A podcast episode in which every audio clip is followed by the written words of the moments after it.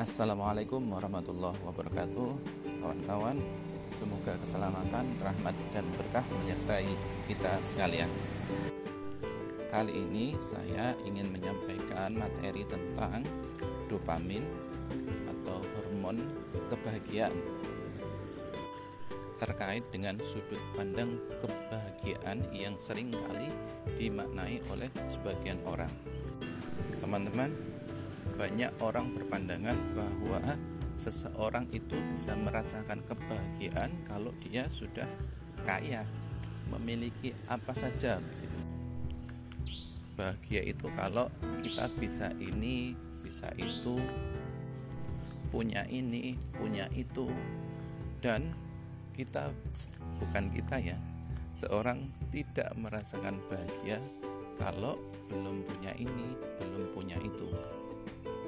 Nah, terkait dengan kebahagiaan yang seperti ini, saya pernah membuat podcastnya tentang hedonic treadmill. Silahkan dicari di podcast podcast saya. Kali ini saya ingin menceritakan tentang sebuah penelitian bahwa ternyata antara kekayaan itu tidak berbanding lurus dengan kebahagiaan ternyata. Jadi penelitian itu diberikan kepada banyak orang yang di mana pada saat itu seseorang boleh dikatakan belum kaya.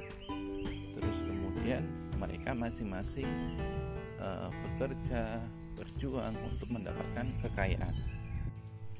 Kemudian mereka di antaranya yang sudah berjuang tadi setelah kaya dilakukan pengecekan ulang apa yang dicek?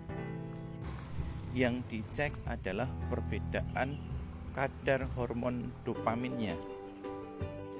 Ternyata di antara kondisi keduanya sebelum dan sesudah tidak menunjukkan perbedaan yang banyak, tidak menunjukkan perbedaan yang signifikan. Bahkan ya tidak ada peningkatan.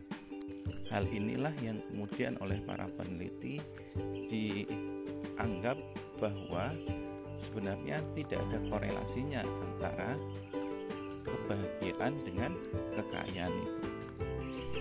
Maka justru yang me menyebabkan adanya peningkatan dopamin salah satunya adalah keinginan atau rasa ingin berbagi dari seseorang.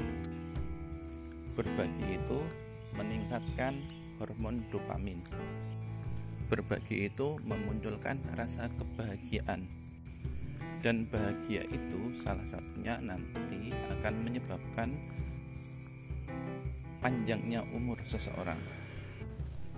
Maka kalau kita ingin merasakan kebahagiaan, sering-seringlah kita untuk berbagi dalam keadaan apa pun, berbagi apa saja karena dalam berbagi itu ada energi cinta yang kita miliki yang kita berikan kepada orang lain. Kita akan merasakan senang ketika ada orang lain tersenyum dengan apa yang kita berikan.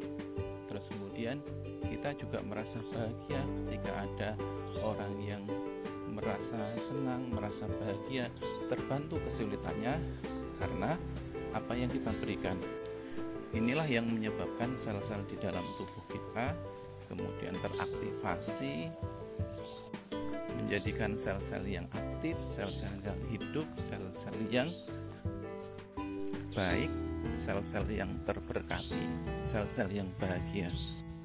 Dan hormon dopamin mengalir deras keluar dari atau di dalam tubuh kita.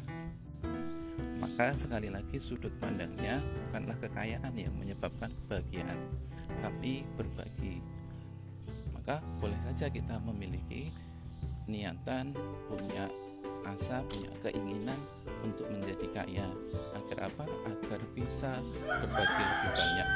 Akan tetapi karakter atau kebiasaan itu harus kita latih setiap hari dalam kondisi apa pun kebiasaan untuk berbagi tidak menunggu kaya tapi kapan pun itu dalam perjalanan perjuangan untuk menjadi kaya kita harus tetap terus berbagi karena sering kali kekayaan itu memunculkan rasa kemelekatan, rasa kepemilikan yang kuat terhadap apa yang dimilikinya. Sehingga seseorang yang memiliki sesuatu, seseorang yang kaya itu malah justru enggan untuk mengeluarkannya, enggan untuk berbagi. Karena dia merasa bahwa apa yang dimilikinya adalah hasil perjuangan yang keras yang dilakukan olehnya. Untuk itu kawan-kawan, jadi bahagia itu tidak menunggu. Bahagia itu tidak suatu saat, tetapi bahagia itu sekarang. Sekarang kita bisa bahagia apa pun kondisi kita.